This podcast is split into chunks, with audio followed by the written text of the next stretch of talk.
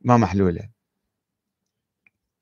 وقد أصدر زعيم التيار الصدري مقتدى محمد الصدر فتوى مشابهة لفتوى والده بالرغم من أنه لم يعلن حتى الآن حيازته على درجة الاجتهاد. لا يقول أنا مجتهد ولكن أحيانا يفتي بناء على يعني فتاوى والده. فقال جوابا على استفتاء من أحد أتباعه يسمى رياض حنون.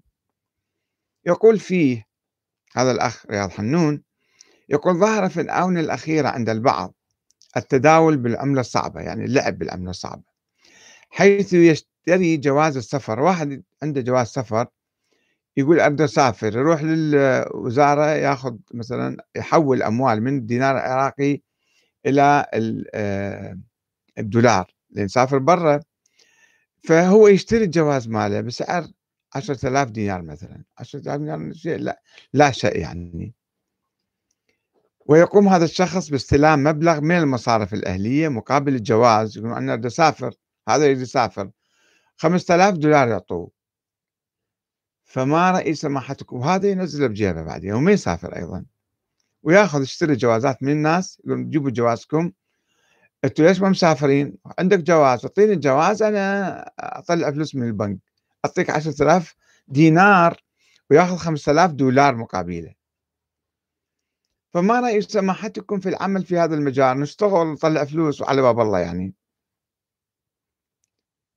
التجارة حلوة وشرعية حلال يعني أموال مجهولة المالك هذه. فكان جوابه كما يلي مقتضى الصدر. باسمه تعالى. أموال مجهولة المالك. راجع الحاكم الشرعي. حتى تخمسها يعني. حاكم الشرعي من هو؟ الآن مثلا كل واحد يقول لك أنا حاكم شرعي.